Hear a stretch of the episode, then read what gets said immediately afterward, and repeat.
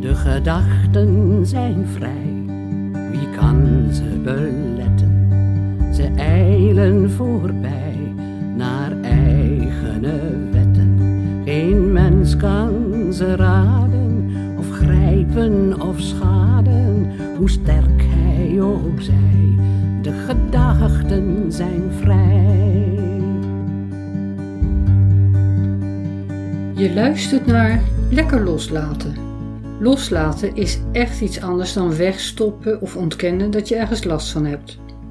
Als je emoties wil loslaten, bijvoorbeeld verdriet om wie of wat je bent kwijtgeraakt, frustratie over wat niet gelukt is of woede over wat jou is aangedaan, dan moet jij je eerst realiseren dat je die emoties vasthoudt. Je hoeft ze niet opnieuw te beleven, je hoeft het zelfs aan niemand te vertellen.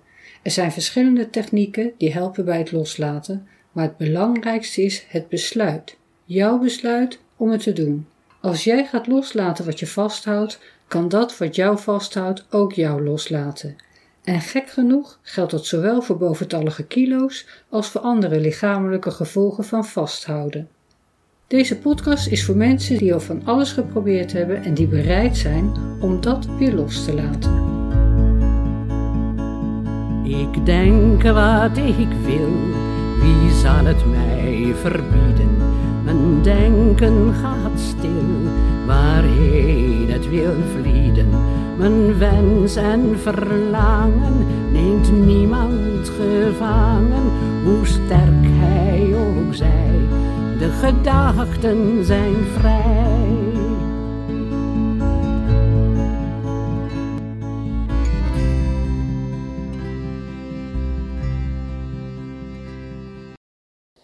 In mijn dagelijkse praktijk komen mensen die vinden dat ze overgewicht hebben en daar willen ze van af. En dan hebben we het ook nogal eens over gewichtsverlies, maar, maar we beseffen vaak niet hoe krachtig woorden op ons werken. Dus als je het hebt over gewichtsverlies en mensen zijn al heel veel kwijtgeraakt, heel veel verloren, dan is onbewust soms het idee van nog meer verliezen zeer onaangenaam. Dus dan kunnen ze bewust nog heel graag willen dat ze dat gewicht verliezen, dat ze ervan afraken. En toch kan het zijn dat ze vasthouden aan dat wat ze nog wel hebben. Nou, ik denk ook graag na over dat soort dingen. Dat komt eigenlijk, ja, zo zit ik een beetje in elkaar. En dat komt ook, denk ik, door wat ik meemaak in mijn werk. En wat ik daarvan ook leer, wat de invloed van woorden op mensen. Daar vertellen mensen mij heel veel over. Komt natuurlijk ook omdat ik daarnaar vraag. En dan kom ik dus tot dit soort gedachten. Ja, gewichtsverlies terwijl je al heel veel verloren hebt. Dat is misschien eigenlijk niet je eerste keuze.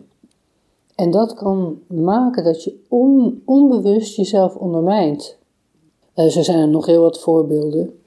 Maar waar ik vandaag wat over wil vertellen, is hoe verlies en verdriet en pijn, hoe, ja, hoe dat eigenlijk blijft hangen in ons als we het niet echt onder ogen zien, als we het niet echt aanvaarden. Want we hebben het hè, vaak over rouw, verwerking. Uh, dat is ook weer zo'n actief woord. En het klinkt ook heel doelgericht van nou, even verwerken en dan is het opgelost. Maar ik denk dat uh, verlies en rouw meer te maken heeft met accepteren en aanvaarden. Niet alleen dat je iemand bent kwijtgeraakt of iets bent kwijtgeraakt, maar ook dat je, uh, je bent namelijk niet alleen iemand anders kwijtgeraakt, je bent ook een deel van jezelf kwijtgeraakt. Of je bent jezelf kwijtgeraakt zoals je was.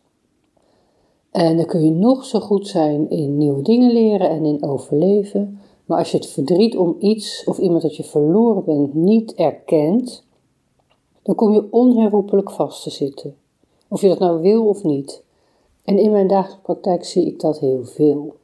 En we zouden onszelf zo helpen als we zouden aanvaarden dat dit soort dingen veranderen. Maar soms is de pijn zo groot dat we niks anders weten dan het wegstoppen of er overheen stappen en deze podcast heet Lekker loslaten, maar dat is soms natuurlijk makkelijker gezegd dan gedaan. Dat weet ik ook wel. Of de tijd heelt alle wonden. Maar daar gaat de tijd niet over. Als wij dat niet willen helen, of niet durven helen, of niet kunnen helen, dan blijven er toch restjes. En een gek voorbeeld, ik heb, inmiddels is het uh, vier jaar geleden, ruim vier jaar geleden, vier en een half jaar geleden dat ik mijn enkel gebroken heb.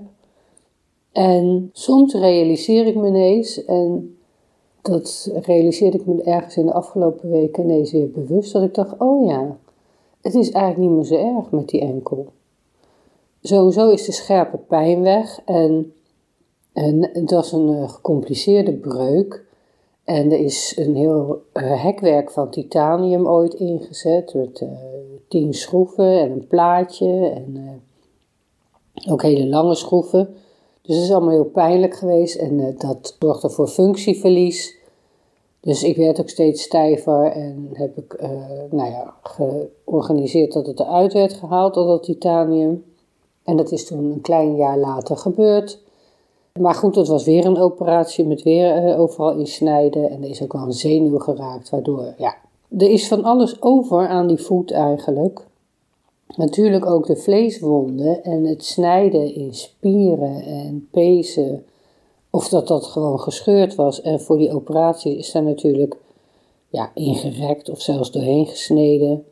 Uh, en dat heeft natuurlijk effect. En daarna komt er littekenweefsel tussen. Nou, dat doet ook iets. Het doet in ieder geval iets in de, in de doorstroom van bloed en vocht en energie. Maar goed, al met al, waar ik dus heel blij mee ben, is dat ik weer kan lopen. En pas was ik op het strand, echt in het zachte zand. En toen had ik mijn zin om te rennen. En in zand lukt dat, want dan heb je natuurlijk, zand schuift mee met je beweging. En eh, als ik op de stenen loop, ja, dan voel ik veel meer weerstand. Dus dan loop ik ook veel manker als ik ren. Als ik normaal kan ik redelijk lopen. Volgens mij, als je het niet weet, uh, als ik gewoon dan wandel, uh, ziet niemand dat ik anders loop. Nou, als ik ga rennen ben ik wel, uh, dat is wel mank. En het is nu zo, als ik een tijdje stil zit, dan ja, wordt het stijf. Dus als ik dan ineens, ik zit gewoon stil en ineens gaat de bel of zo, dan sta ik op en dan is het de eerste stappen mank. En als iemand dat niet weet, iemand die mij nog niet zo lang kent, die heeft zoiets van, wat is hier aan de hand? Nou, dat is allemaal zo uitgelegd, want dan zeg ik, ja, dat is niet erg. Uh, mijn enkel die wordt stijf als ik een tijdje zit, maar als ik loop, uh, komt, is het wel weer oké. Dat gaat zo over. Dat is fysiek, is dat allemaal lekker duidelijk. Soms ook heel vervelend duidelijk, want er is, je kan er niet omheen. Maar emotioneel kan dat wel. We kunnen emotioneel gewoon heel goed doen alsof er niks aan de hand is. En we kunnen onze emoties ook heel goed verbergen. En dat doen we ook. Dus na verlies van een dierbare, of dat nou is door de dood of door een scheiding, of doordat iemand ergens anders gaat wonen, of je bent zelf verhuisd. En zeker als je kind bent, dan kies je daar vaak niet zelf voor. Dus dan word je verhuisd naar een ander land. Of je hebt een, eh, een heel lief vriendje of vriendinnetje die vertrekt. Kijk, tegenwoordig hebben we ook nog eens alles social media, dus kan je nog wel blijven. Uh, en iedereen heeft een telefoon, ook ieder kind tegenwoordig. Dus je kan wel in contact blijven. Maar dat is toch anders dan dat je iemand ziet. En als je een kind bent, dan is dat vaak uh, hè, kinderen in de buurt die dagelijks met elkaar optrekken. En als dat ineens verandert, ja, dat doet pijn. Vaak vinden we dan dat we weer normaal moeten gaan doen. Uh, of wij denken dat anderen vinden dat we weer normaal moeten gaan doen. Maar het is ook vaak zo dat we die pijn zelf gewoon niet uithouden en dus maar doorkachelen. Het is te pijnlijk, het voelt te koud en het duurt te lang. En dan mis je, hè, wat ik al zei, je mist dan niet alleen die ander, maar je mist ook je oude zelf. En dat zorgt er dan voor dat we dat, dat het verdwijnt, dat we het wegstoppen.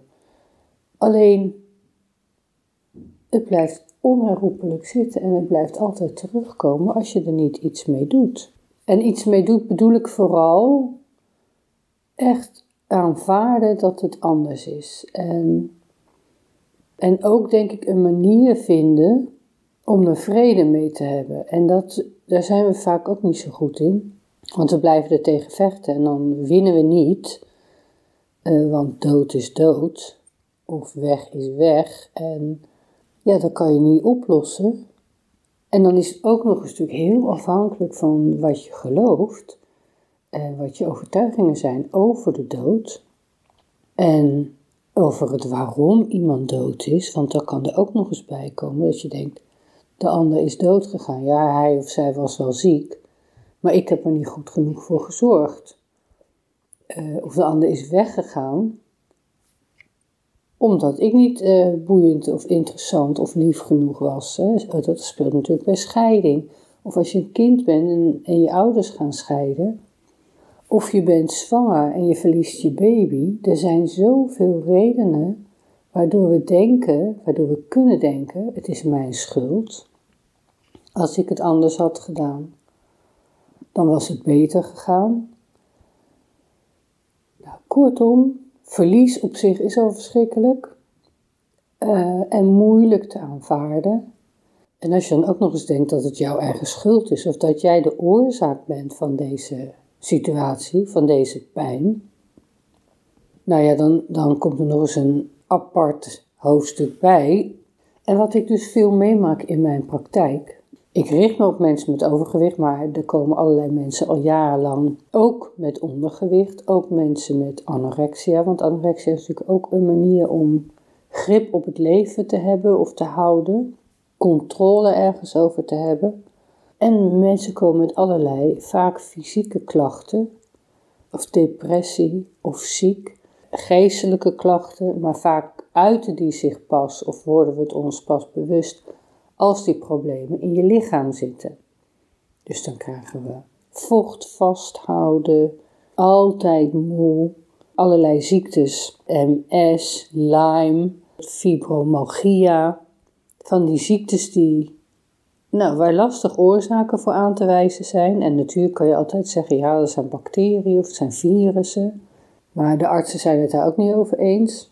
En dan worden er vaak heel veel medicijnen gegeven en daar krijg je nog meer problemen van, want heel veel, zeker antidepressiva en antibiotica en nog allerlei andere pillen, dat is, nou ja, eigenlijk is gewoon gif. Uh, en het doet wel iets met je lichaam, maar lees de gemiddelde bijsluiter maar.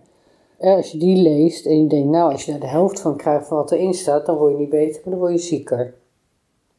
En vaak wordt er helemaal niet een oorzaak gevonden, laat staan een oplossing. En wat ik ervaar in mijn dagelijks werk, en daar dus ook steeds meer van overtuigd ben, is dat wij ziek worden van hoe wij denken. En in dat denken zit vaak ja, allerlei zaken die wij nooit hebben kunnen aanvaarden en allerlei verdriet, en allerlei pijn en trauma, dat er nog steeds zit. En dat kun je wegstoppen een tijdje. Nou, eigenlijk kun je het niet wegstoppen, maar dat kun je proberen. En dan lijkt het alsof het er niet meer zit, want je voelt het niet meer direct. Maar daarmee is het nog niet geaccepteerd en is het niet opgelost. En ik denk dat ook hè, pijn en verlies, of dat dingen gebeuren, of trauma's, die zijn natuurlijk ook eigenlijk niet te accepteren. Maar er tegen blijven vechten terwijl, terwijl het al gebeurd is, heeft geen zin, want we kunnen het verleden niet veranderen. En tegen jezelf vechten, dat is ook een deel vaak van wat we dan doen. Het wegstoppen. Dus heel vaak hangen we ergens in het verleden, kunnen we niet meer in het hier en nu zijn, eh, want we weten niet meer hoe en er is zoveel pijn geweest dat we überhaupt uh, er geen lol meer in hebben. Dus dan sterft er alsof, er, nou ik weet niet of dat zo is, maar het, het voelt alsof er steeds een stukje van jezelf afsterft. En dat is begrijpelijk en het is voor een tijdje misschien ook wel oké. Maar wat heel veel mensen niet weten, is dat je het alsnog kunt oplossen, het alsnog kunt aanvaarden alsnog de liefde kunt herstellen met die persoon die je verloren bent of met jezelf.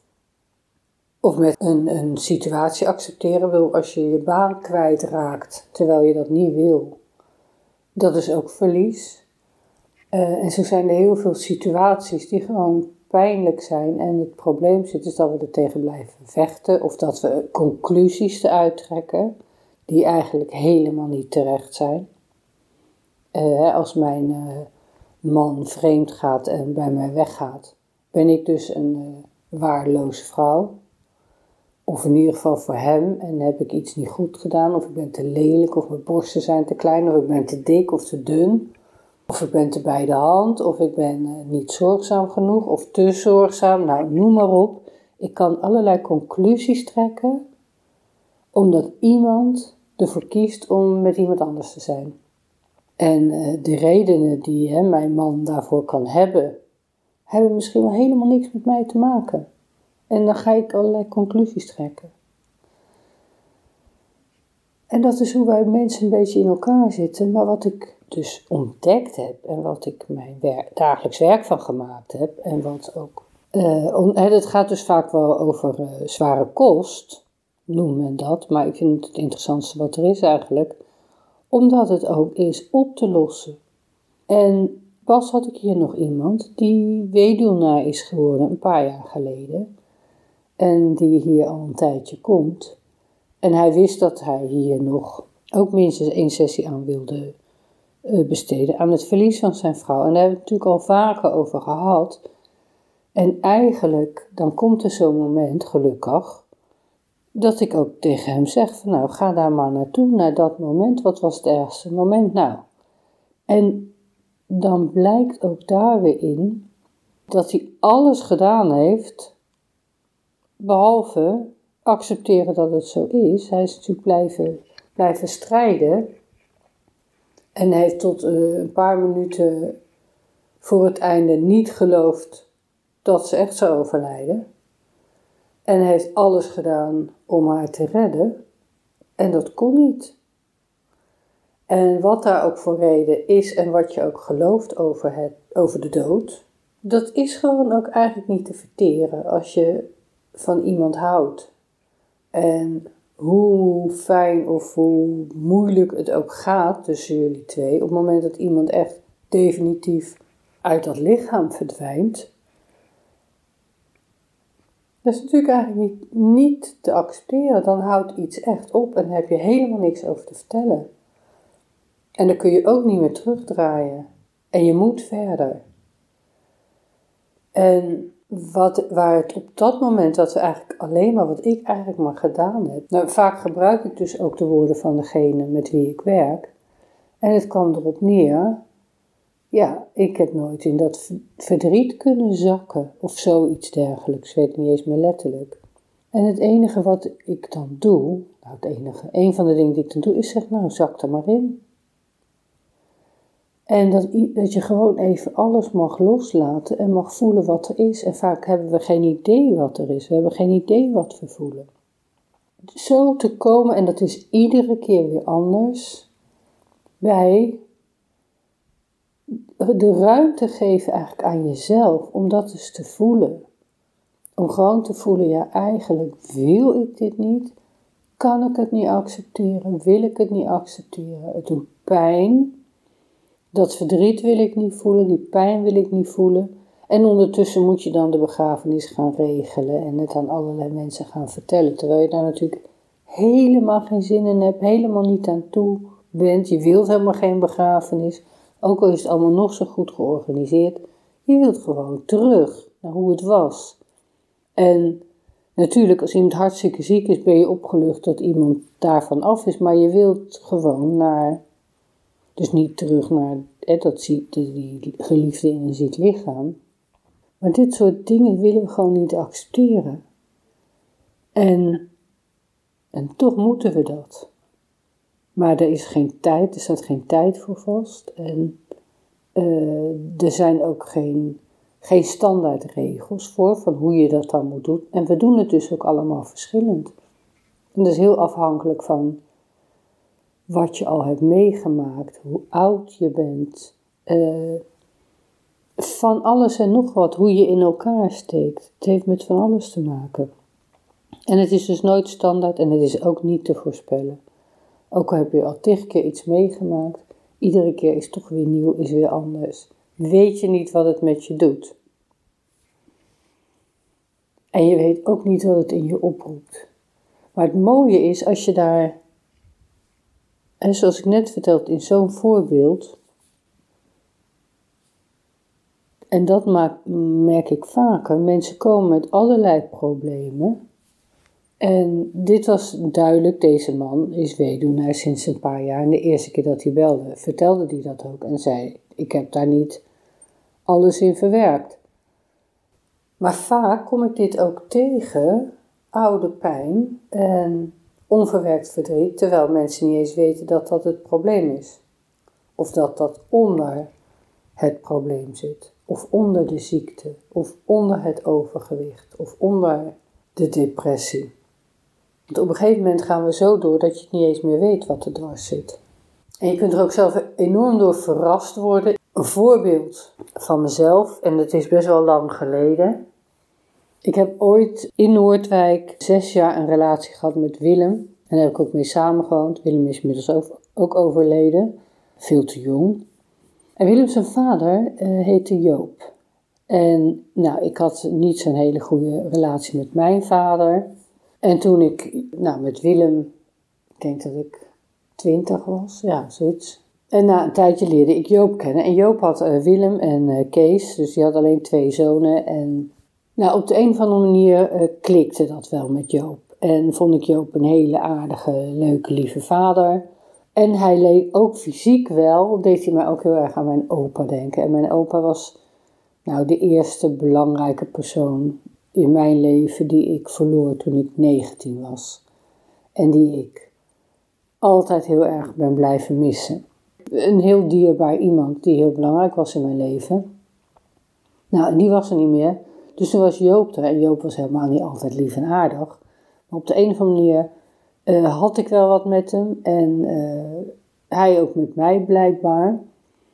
En ik weet dat ze ook een keer hè, was er, had nou ja, was hij niet fijn tegen Willem. En uh, toen heb ik, ben ik echt tegen hem uitgevallen en ik nam het voor Willem op. En, uh, en ik denk dat ik daar bij Joop ook nog een paar punten mee scoorde. Dat hij me daar eigenlijk nog, hij vond het wel een beetje raar aanvankelijk, maar hij vond het eigenlijk ook geweldig dat ik gewoon tegen hem tekeer ging. En toen was, waren Willem en ik al uit elkaar en toen kreeg Joop een hersenbloeding. En die kwam in een van de revalidatiecentrum terecht. En toen uh, belde Willem mij om dat te vertellen. Nou, dat vond ik eigenlijk heel erg. Dus toen ben ik met Willem samen naar Joop toegegaan. En hij kon niet meer praten en hij was ook aan één kant helemaal verlamd. En ik weet nog dat ik daar, uh, of de eerste keer dat ik ging was, lag hij in het ziekenhuis in Leiden.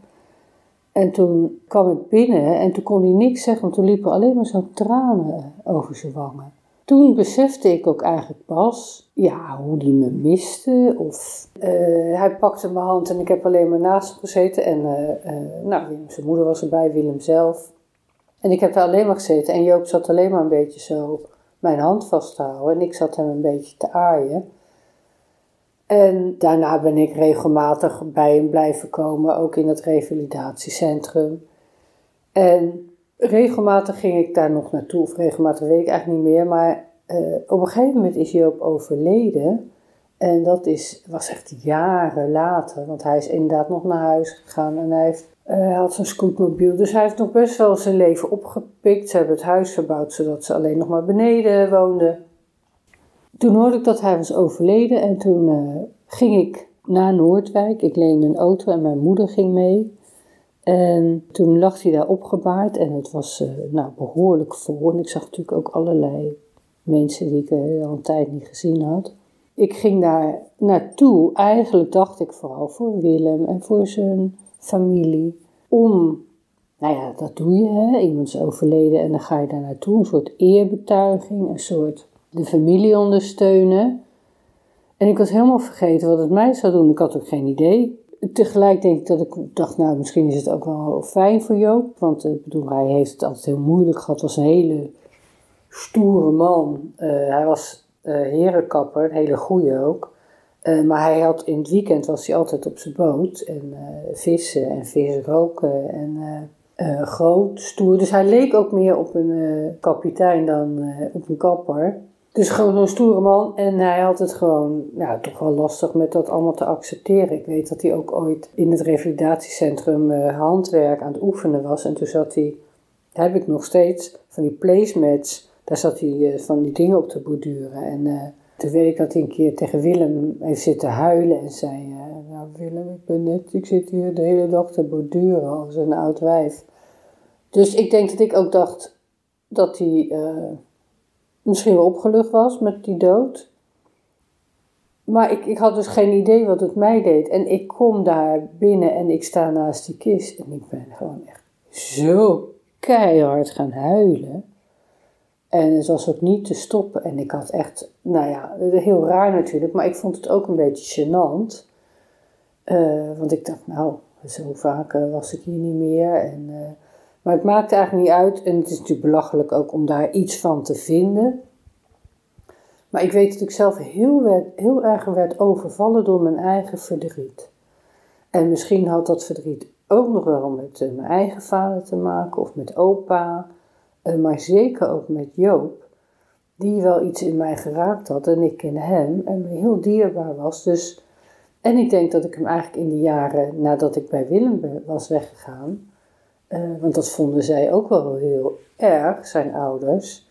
En ik denk dat ik hun ook gewoon, gemist heb. En ik bedoel, ik heb nooit spijt gehad dat ik met Willem ben weggegaan, want dat was goed, dat was een goede beslissing. En ik wilde ook helemaal niet daar blijven en daar een gezin stichten en met Willem in Noordwijk wonen. Uh, maar ik denk dat ik zijn ouders, ja, zowel Willem zelf als zijn ouders waren voor mij ook wel heel erg een thuis geworden. Uh, waar ik me echt deel van de familie voelde.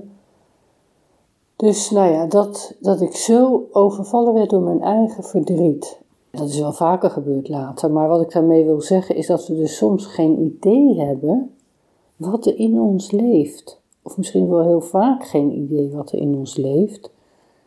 En daar maken we dus ook te weinig plek voor. We gaan er niet voor zitten. Dus hoe dat precies werkt in de mens weten we natuurlijk niet. Maar ik merk vaak dat het zo goed werkt om daarbij te komen. En dat ik, en daar is mijn werk natuurlijk ook op gericht, op onderliggende emoties, op trauma, op verlies, op rouw, op pijn, op boosheid. Want als dat er nog zit, kachelen we maar door en krijgen vaak allerlei ziektes of klachten waar we geen idee van hebben.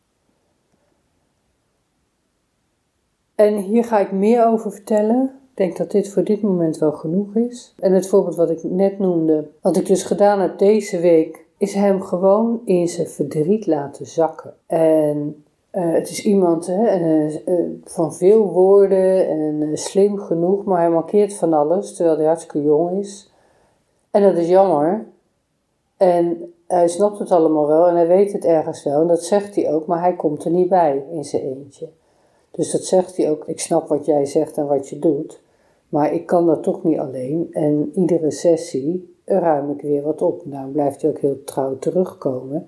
En ik zie in een uh, tijd van een paar maanden hoe die uh, in zijn hele uiterlijk gewoon lichter is geworden en zachter en ontspannener en jonger.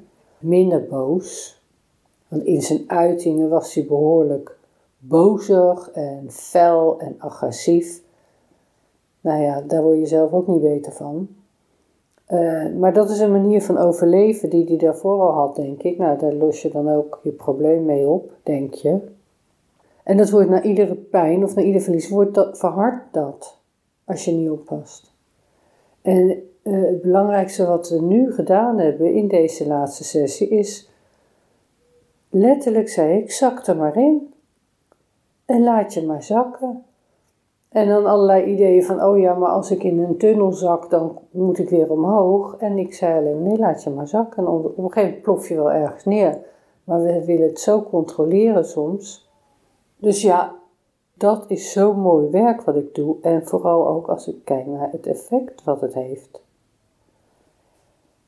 Nou, ik heb daar meer voorbeelden van en die vertel ik een andere keer, want die zijn eigenlijk zonde om allemaal achter elkaar te proppen. Dit is het voor dit moment. Eh, ik schrijf hier ook over. Mocht je zelf denken van, ja, ik ben, uh, hè, ik heb ergens last van, ik ben ziek, ik weet helemaal niet wat de oorzaak is, of ik ben hartstikke depressief. Ik weet ook niet meer hoe ik eruit moet komen, of ik zit veel te veel aan de pillen en daar wil ik eigenlijk vanaf.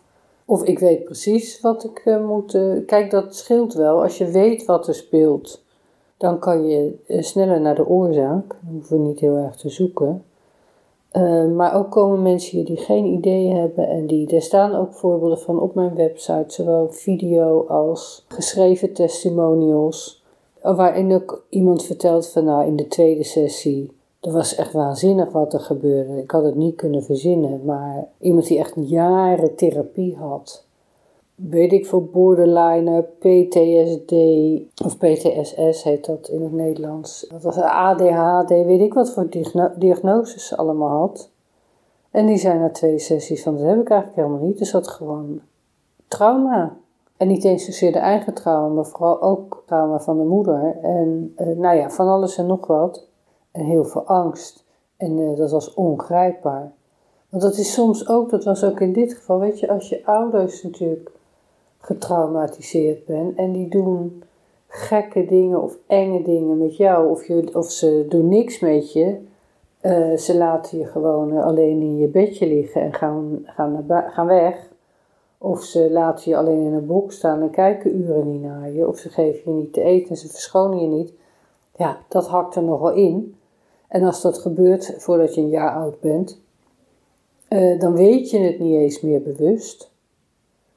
En als je hè, die ouders dan ook niet meer zijn, ja, hoe kom je er dan ooit bij? En toch kan dat. En dat was ook in dit geval, want het zit allemaal in je onbewuste systeem. En dat is echt een uh, waanzinnig instrument. En daarmee kunnen we dingen ook oplossen. Genoeg voor vandaag. Mocht je meer willen weten, kijk naar mijn website. Stuur me een mailtje. Voor iedereen die dat wil, doe ik uh, sessies van een half uur. Die doe ik gratis, waarin je allerlei vragen kunt stellen waarin ik meer kan vertellen over wat ik doe. Um, waarin jij je vragen kunt stellen. Gooi een lijntje naar me uit en uh, laat van je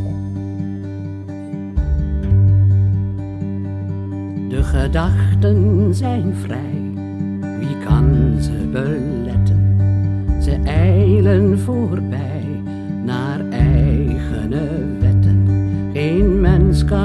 ze raden, of grijpen of schaden, hoe sterk hij ook zij. De gedachten zijn vrij. Superleuk dat je geluisterd hebt. Hartelijk dank daarvoor, mede namens iedereen die heeft bijgedragen aan deze podcast. Ik hoop natuurlijk dat we het je iets makkelijker gemaakt hebben, want daar doen we het voor. Luister nog even naar een paar belangrijke dingetjes. Wil je meer horen? Abonneer je dan op deze podcast. Volg de instructies in de app waarmee je geluisterd hebt. Word je een beetje blij van wat je gehoord hebt in deze podcast? Deel dan die blijdschap en geef ons een review, zodat ook anderen gaan luisteren. En natuurlijk kun je de podcast delen via social media of doorsturen aan mensen waarvan jij denkt dat ze nog iets lekker los te laten hebben. Tot de volgende podcast. Daarom wil ik voor immer verbanen de zorgen en wil ik ook nimmer meer bang zijn voor morgen. Je kunt toch van binnen de vreugde beminnen en denken daarbij, de gedachten zijn vrij.